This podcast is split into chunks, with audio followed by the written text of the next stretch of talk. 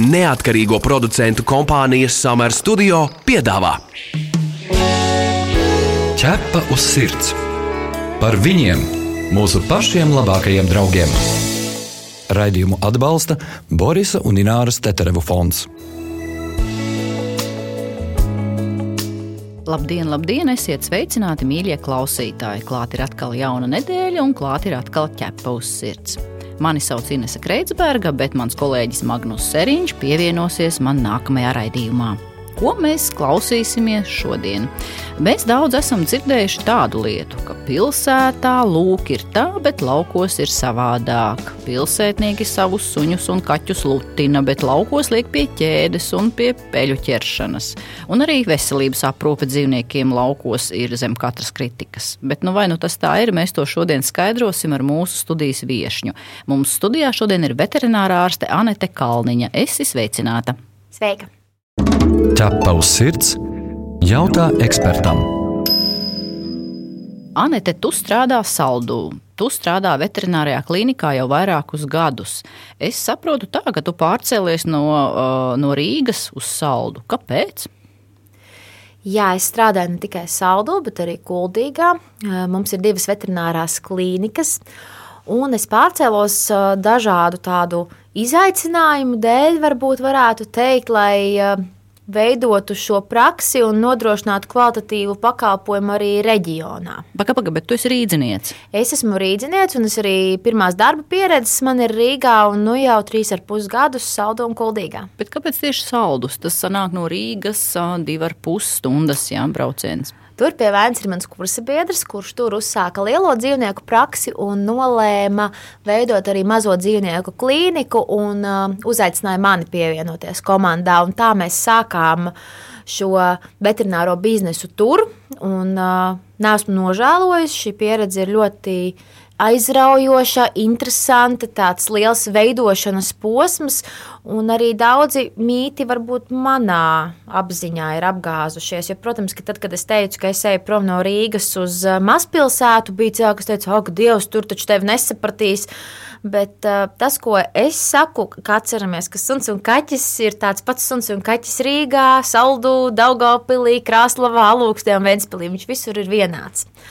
Un, protams, ka šis reģionālās attīstības līmenis varbūt nav tik augsts, bet tas mainās, un mēs arī paši to intensīvi mainām. Viss ir atkarīgs no tiem cilvēkiem, kas tur strādā un veido šīs klīnikas. Bet tas ir tiesa, ka tomēr Rīgā un, nu, protams, arī Jālgavā, kur ir universitātes klīnika, ir šīs attīstītākās tehnoloģijas, ir vairāk speciālistu, lielākā daļa arī vēlas strādāt lielajās pilsētās. Bet uh, kamēr vien ir tādi entuziasti kā mēs, kas uh, tomēr saka, ka nē, ka mēs varam šeit un varam tikpat labi, tikmēr tas viss ies uz augšu. Man ļoti simpatizē tevis teiktais, ka mājdzīvnieks nav dzīves nepieciešamība, bet dārga luksusa vērtība, ko ne visi var atļauties. Vai tas tā ir, vai tu precīzāk vari pateikt, un kā tu nonāci līdz šim secinājumam? Es drīzāk uh, to definēju, kā es parasti saku, ka dzīvnieks ir ekskluzivitāte. Ne tikai tādā aspektā, ka tas prasīs uh, finansiālas investīcijas, uh, jo cilvēkiem ir jāsaprot, ka veterinārijiem pakalpojumiem ir jābūt. Uh, ar atbilstošu samaksu, jo veterinārā ārsts mācās pietiekami ilgi, un, ja grib, lai viņam pretī ir izglītots, zinošs speciālists, kas strādā ar kvalitatīvu aparatūru, ir jārēķinās ar to, ka šis speciālists nebūs lēts. Tā jau ir uh, cita saruna varbūt par to, cik dažādas ir veterināro pakalpojumu cenas un kāpēc tas tā ir atšķirības starp teiksim, galvaspilsētu un reģioniem, bet es šo jautājumu par dzīvnieku kā ekskluzivitāti uh, uztveru ne tikai no tā, ka es esmu gatavs viņā investēt finansiālus resursus, bet arī, ka es vispār esmu cienīgs būt dzīvnieka saimnieks, ka es veltu viņam laiku, ka es par viņu rūpējos un ka es uh, gūstu no viņa prieku. Jo mēs jau dzīvniekus lielākoties ņemam, tāpēc, lai gūtu no viņiem prieku. Un, ja dzīvnieks ir vajadzīgs tikai kā spēļmantiņa, līdz brīdim, kamēr viņš neprasa laiku, finansiālus ieguldījumus vai nesagādā nekādas problēmas, tad nevajag dzīvnieku ņemt vienkārši. Man šķiet, ka būtu daudz labāka situācija, ja dzīvnieku būtu daudz grūtāk iegādāties. Jo bieži var redzēt, teiksim, ja parādīsies internetā, ka šķirnes kaķis ir kaut kur patversmē un meklē mājas, tur visi gribēs metīsies viņam pakaļ. Jā, mēs arī gribam tur britu izspēlēnu. Un tad es parasti smējos, ka tas britu izspēlēnais varbūt grib tīrasiņu uh, britu sev par saimnieku. Līdz ar to, ja tas dzīvnieks būtu grūtāk pieejams, uh, tad tas cilvēks divreiz padomās. Tas pats attiecās uz patvērsmju dzīvniekiem. Cilvēks tur ierauga, viņam paliek žēl, viņam tā pirmā emocija nospēlē, viņš aiziet uz patvērsmu, viņam prasa sekta kastrācijas, un mikročipēšanas un vakcinācijas izmaksas. Un tikai tad viņš viņu varēs ņemt. Un cilvēkam, kā, bet es taču nāku un no patvērsmes paņemt. Bet, ja cilvēks nav gatavs investēt šos, teiksim, 100 eiro, tad vai viņš būs gatavs investēt viņa ārstēšanā, tad, ja kaut kas notiks, vai viņš būs gatavs investēt viņa kvalitatīvā ēdināšanā vai suņa skološanā. Tāpēc dzīvniekam būtu jāpieiet kā tādai ekskluzivitātei, ka tavā dzīvē ir šī papildu vērtība. Tu esi mans draugs ķepa uz sirds.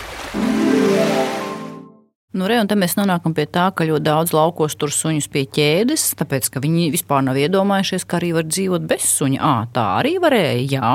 Tā pilnīgi noteikti var. Un tad ir jautājums, kāpēc tas suns pie ķēdes ir vajadzīgs. Jo ne jau tur kaut kāda aprūpe tiek vispār veltīta, ne arī medicīniskās izmaksas tiek paredzētas, vai ne? Es teiktu, tā, ka man ir arī ķēdes suņi, kuriem nodrošina ļoti labu aprūpi, par kuriem ļoti rūpējās. Tas cilvēks savdabīgā veidā viņu mīl. A, kā tas izpaužas? Es tomēr nesaprotu. Viņš ved uz klīniku, viņu, viņš viņam vāra putru ar gaļu, viņš viņu reizi nedēļā palaiž izskrieties. Tas ķēdes jautājums vispār man ir ļoti sāpīgs, jo es nu dienu nespēju atbildēt uz jautājumu, kāpēc tas ir vajadzīgs. Es domāju, ka tas ir kaut kas vēsturiski iesakņojies, ka pie šķūņa sēž suns ķēdē, lai šķūni neapzog. Nu, apmēram tādā veidā. Mūsdienās uh, tam ir citi risinājumi, tāpēc ir signalizācija. Un neviens suns pie ķēdes mūsdienās arī neko nenosargās. Viņš pildā skaņas funkcijas, bet viņš jau ries arī tad, ja meža dzīvnieks pāries pāri pagalmam. Bet kā tu runā ar tiem cilvēkiem, kam suņi ir pie ķēdes, vai tu runā ar viņiem, es vai tu stāsti, runā, cik jā. tas ir kāds arhaisms mm. un, un vai izdodas kādu pārliecināt? Uh, es stāstu, es pastāstu pirmkārt par psiholoģisko aspektu, jo agrāk par to vienkārši nerunāju, tā bija norma, tad es stāstu, ka mūsdienās tā vairs nav norma, ka sunim ir ir jābūt suņa cienīgai dzīvei, jo mūsu likumdošana jau atļauj suni turēt pie ķēdes. Likumdošanā ir minēti trīs metri garums, siltināta būda. Bet neviens to nepārbauda. Pieeja pastaigas ārpus teritorijas Jā. 30 minūšu laikā, un tad ir jautājums, nu, kas to kontrolē un kā neviens. to vispār var izkontrolēt. Tāpēc, ka atbildīgām un... institūcijām tas neinteresē. Tā to, ir... to pat nav iespējams uh, reāli izkontrolēt, vai tas suns katru dienu tiek palaists vaļā. Nu, to, to nevar izkontrolēt. Tad tur tiešām katru dienu kādam uh, jāsēž pie tās mājas un jāskatās.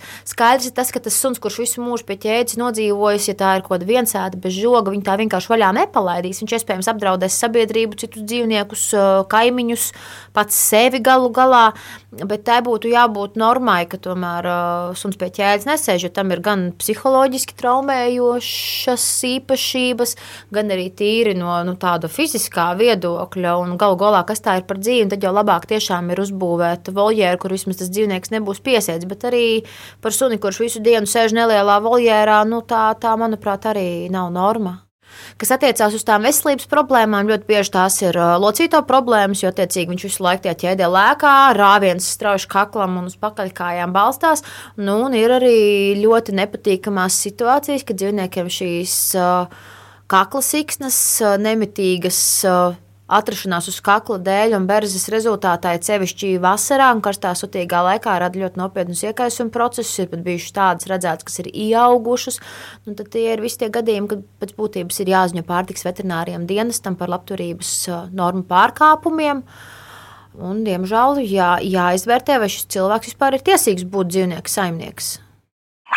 Ķepa uz sirds, suņu būda. Ar kādām problēmām parasti cilvēki vēršas pie tevis? Vai nav tomēr tā, ka bieži tās ir novēlotas jau problēmas, ielaistas?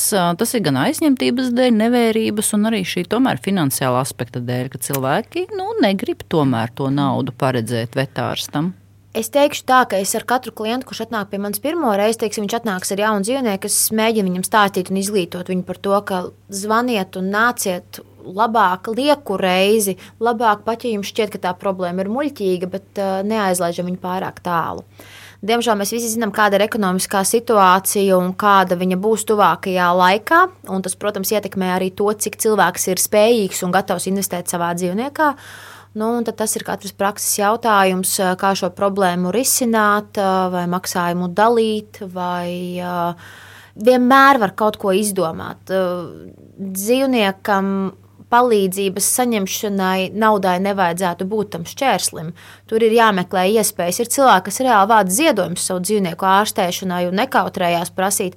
Un, protams, ka ir tie gadījumi, kad cilvēks atnāk, es prasu, kāpēc jūs tik ilgi nenācāt, un viņš saka, man nebija naudas nu, tad ir tādas duālas emocijas. Tev lūst sirds par to, ka tu redzi, ka tas cilvēks jūtas vainīgs un ka viņam reāli nebija, iespējams, viņam pašam nebija ko ēst, bet tajā pašā laikā ir tās dusmas, nu, kāpēc tu nemeklēji risinājumus. Tu varēji man piezīmēt, paprasīt, ko mēs varam darīt. Nu, mēs tomēr vienmēr pielāgojamies. Nu, nav bijusi tāda reize, kad uh, mēs dzīvnieku atstājam bez jebkādas palīdzības uh, tikai tāpēc, ka saimniekam nav naudas. Protams, ka to nevar arī veidot par savu praksi un piemaksāt par savu darbu. Bet, uh, es neticu, ka iespējas nav. Iespējas vienmēr var atrast. Bet nu, tomēr ar kādām pārsvarā problēmām nāk? Kas ir kaķiem tāds raksturīgākais un suņiem? Problēmas ir, uh, es domāju, ka visur līdzīgas. Uh, ja runa ir tieši par saslimšanām, uh, tad ļoti daudz ir urīnceļu saslimšanas, alerģijas, dermatoloģiski raksturā problēmas un gramošanas problēmas, un suņiem ļoti daudz arī locītā problēmas. Nu, tas ir atkarīgs arī no šķirnes, tomēr. Ne? Protams, ir šīs šķirņu specifiskās problēmas, un jo populārāka kļūst kāda šķirne, jo vairāk veterinārā ārstam ir jākļūst par kaut kādas nozares speciālistu, teiksim, vai tās būs muguras problēmas, vai apceļu problēmas, vai ādas problēmas. Un, uh, šīs uh, slimību aktualitātes uh, nāk komplektā ar to, kas tajā brīdī ir populārs arī, arī sabiedrības vidū. Nu, piemēram, mums ir ļoti, ļoti populāri kļuvuši franču būdogi. Nu, jau man šķiet, ka tas pīķa posms ir garām, bet tur jau pa lielam cilvēks nāk, un tu viņam uzreiz jau sāc ar jautājumu, vai jūs zināt, kas ir brahiocefālais sindroms, un cilvēks saka, nē. Es saku, nu, es jūs apsveicu, jūs esat nopirkuši šo slimību savam sunim, un cilvēks maz nezina, ja viņam iepatikās, viņš nopirka, un tā tad saķēra. Brahocefālais sindroms. Brahocefālais saspiestais pūrniņš, jā, nu, tiem, kam saspiestie pūrniņi. Jā, un tur nāk virkne apvošanas problēma, kas bieži prasa arī ķirurģiskus risinājumus, un cilvēks ir dzīvās šausmās, jo viņam vienkārši patika, jo kaimiņienē bija vai iepazinās parkā un tik foršs raksturs, un es ņemšu arī sev, un tad izrādās, ka tas prasīs jau lielus finansiālus resursus jau pašā startā. Mums nesen viena vetārste teica, ka viņas prakses sākumā daudzus, daudzus gadus atpakaļ kaķu mūža ilgums bijis daudz īsāks. Tagad kaķi dzīvojot ilgāk. Ko tu esi pamanījis, kas mainījies šo gadu laikā, kopš tu strādā? Vai cilvēki ir rūpīgāki, vērīgāki pret saviem mīluļiem, jeb kaut ko citu tu esi novērojis, kādu tendenci? Es arī esmu novērojis, ka tas mūža ilgums ir garāks. Es domāju, ka tas ir saistīts gan ar to, ka cilvēki kļūst zinošāki, gan ar to, ka veterinārie pakalpojumi kļūst pieejamāki un diagnostikas iespējas lielākas. Nu, teiksim, ja laukos agrāk bija kaķis, viņš vienā dienā vienkārši nebija, un visi vienkārši pieņēma, ka viņš ir aizgājis, ka varbūt viņu kāda labs ir apēdus, bet tagad tomēr cilvēki, sevišķi, ja viņus izglīto un ja informācija pie viņiem nonāk, viņi tomēr sāk citādāk attiekties. Un, uh, tas manuprāt, virzās uz tādu labo pusi, lēnām, bet virzās. Cilvēki tomēr vairāk nāk, vairāk mēs arī spējam diagnosticēt, un tādēļ tas mūža ilgums arī pagarinās. Un arī ārstēšanas iespējas, protams, nu, visu laiku zinātnē attīstās, un medicīna attīstās, un tieši tas pats notiek arī veterinārā medicīnā.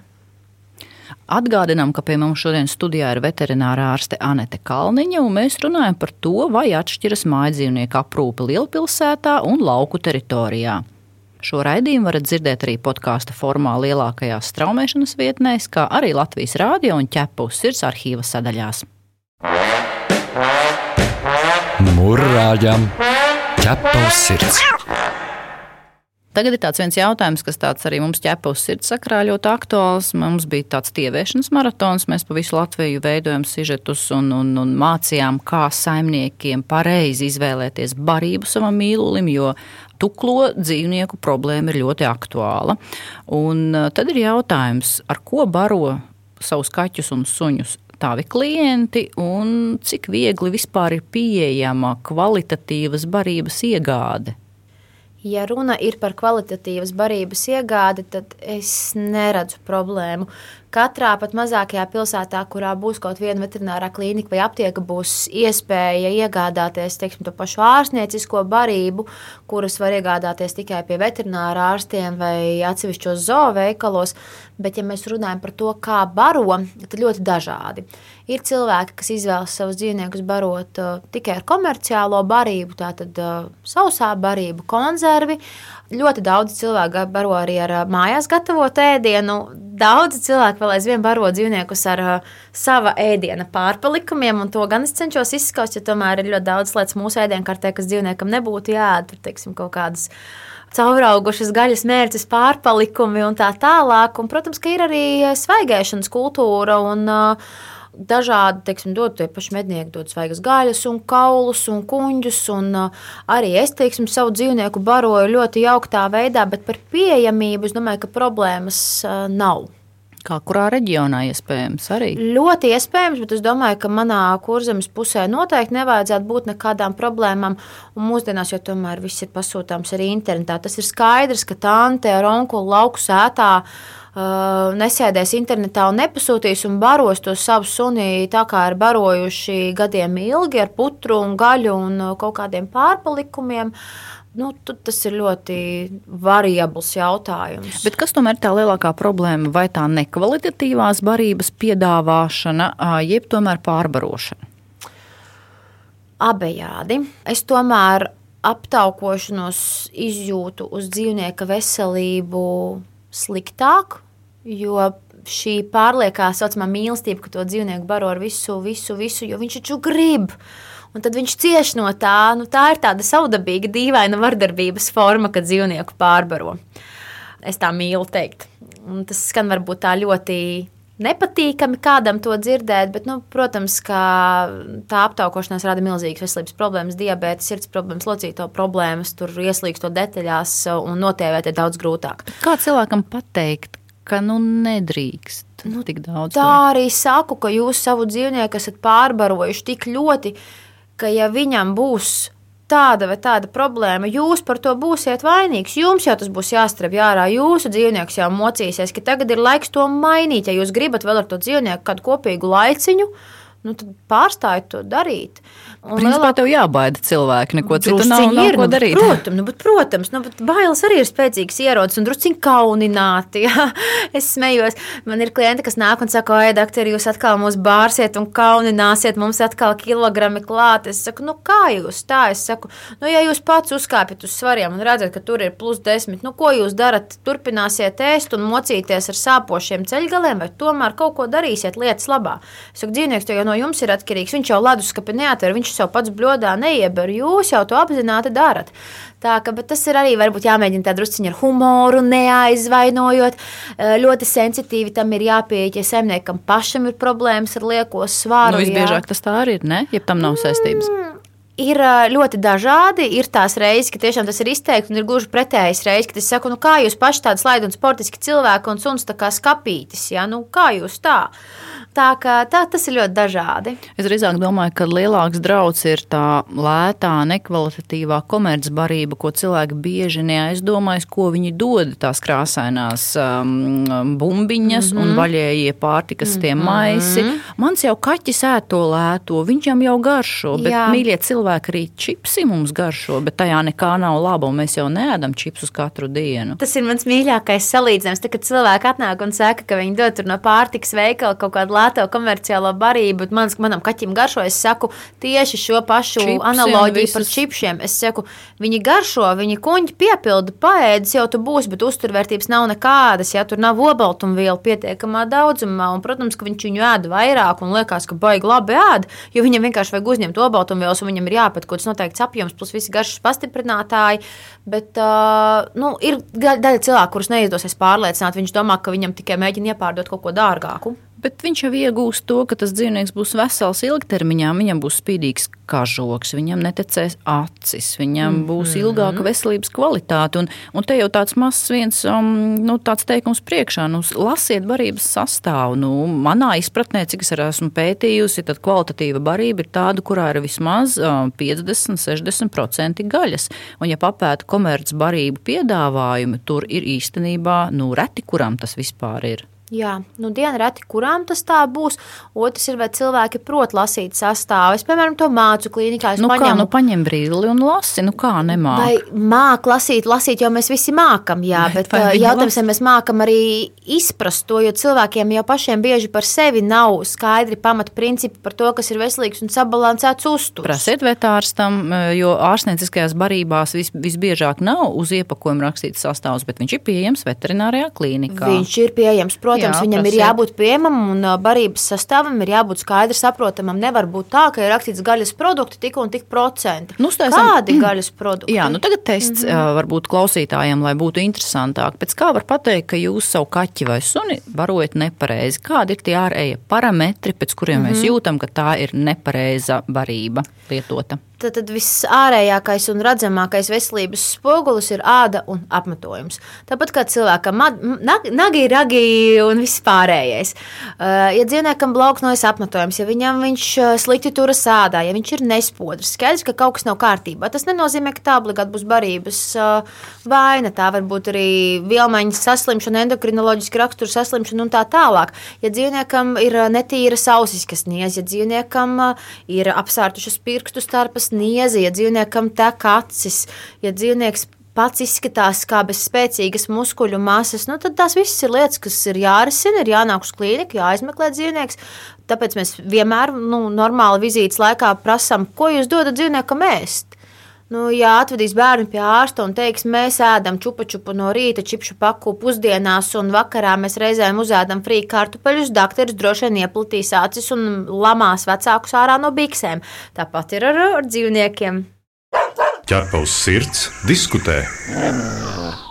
Nu, tad, protams, vēl tas jautājums par to sterilizāciju. Cik še, šis jautājums ir saprotams jau cilvēkiem, vai joprojām ir jāskaidro, ka tomēr vajadzētu sterilizēt to suni un to kaķi? ir jāskaidro. Runājot par kaķiem, it sevišķi piemēram, šobrīd uh, savos novados es saskaros ar milzīgu koloniju skaitu. Un liela daļa cilvēku nezina, ka pat likumdošanā tas ir ierakstīts, un atkal kā to izkontrolēt, ka kaķi, kurš ir sasniedzis 6 mēnešu vecumu, ārpus savas teritorijas mēs nedrīkstam laist, ja viņš nav vai viņa kastrēts. Nu, par kaķinēm mums patīk teikt sterilizācija, pēc būtības uh, termins ir arī kastrācija, bet cilvēkiem saprotamāk. Un cilvēki to gluži vienkārši nezina, neaizdomājās. Tie, kas negrib kaut kādu savu ētisku apsvērumu dēļ, tādu nu, dienu ir maz, ir vienkārši tādi, kas to nezina. Kas nesaprot, ka tā ģeometriskā progresija, kādā vairosies šis pēcnācēju skaits, būs T8, T8, T9, T6, un tā tas vienkārši ies savu virknīti. Un līdz ar to 400 kaķis audus novadā gaidīs rindā uz, uz uh, sterilizāciju uz kastrāciju. Bet kaut vai elementāra veselības um, nu, pašsajūtas lieta dzīvniekam, ja viņš ir kastrēts, to, to ieskaidrot, tad cilvēkam nemainās attieksme. Piemēram, Protams, zinātu, skaidro, nu, kaut vai no tāda viedokļa, teiksim, atnāk ar runas, kas tas par runas, kur būs kastrēts. Viņš taču man pe- pels neķers. Es saku, nu, ķers, un kā vēl ķers. Es saku, bet pirmkārt, nedrīkst. Otrakārt, viņam ir milzīgāks traumu risks. Viņš kaujoties ar citiem saviem uh, sugas brāļiem, uh, mazākais, ko viņš dabūs, būs kāda brūce, zem kuras izveidosies strutu bumbulis, jeb apces, un lielākais būs, ka viņš dabūs kādu uh, neārstējumu virusālu saslimšanu. vai vienkārši neatnāks mājās. Vai vienkārši neatnāks mājās. Tas ir viss izglītošanas jautājums. Visu laiku stāstīt, un izglītot, stāstīt, un izglītot, un reizēm arī pateikt, nē, nu nedrīkst. Ja viņš jums iet staigā, tad re, kur man sēž uh, ielas kaķi ar slimiem kaķēniem, un viņi tur ir tāpēc, ka kāds laiž savus uh, nekastrētos ārā.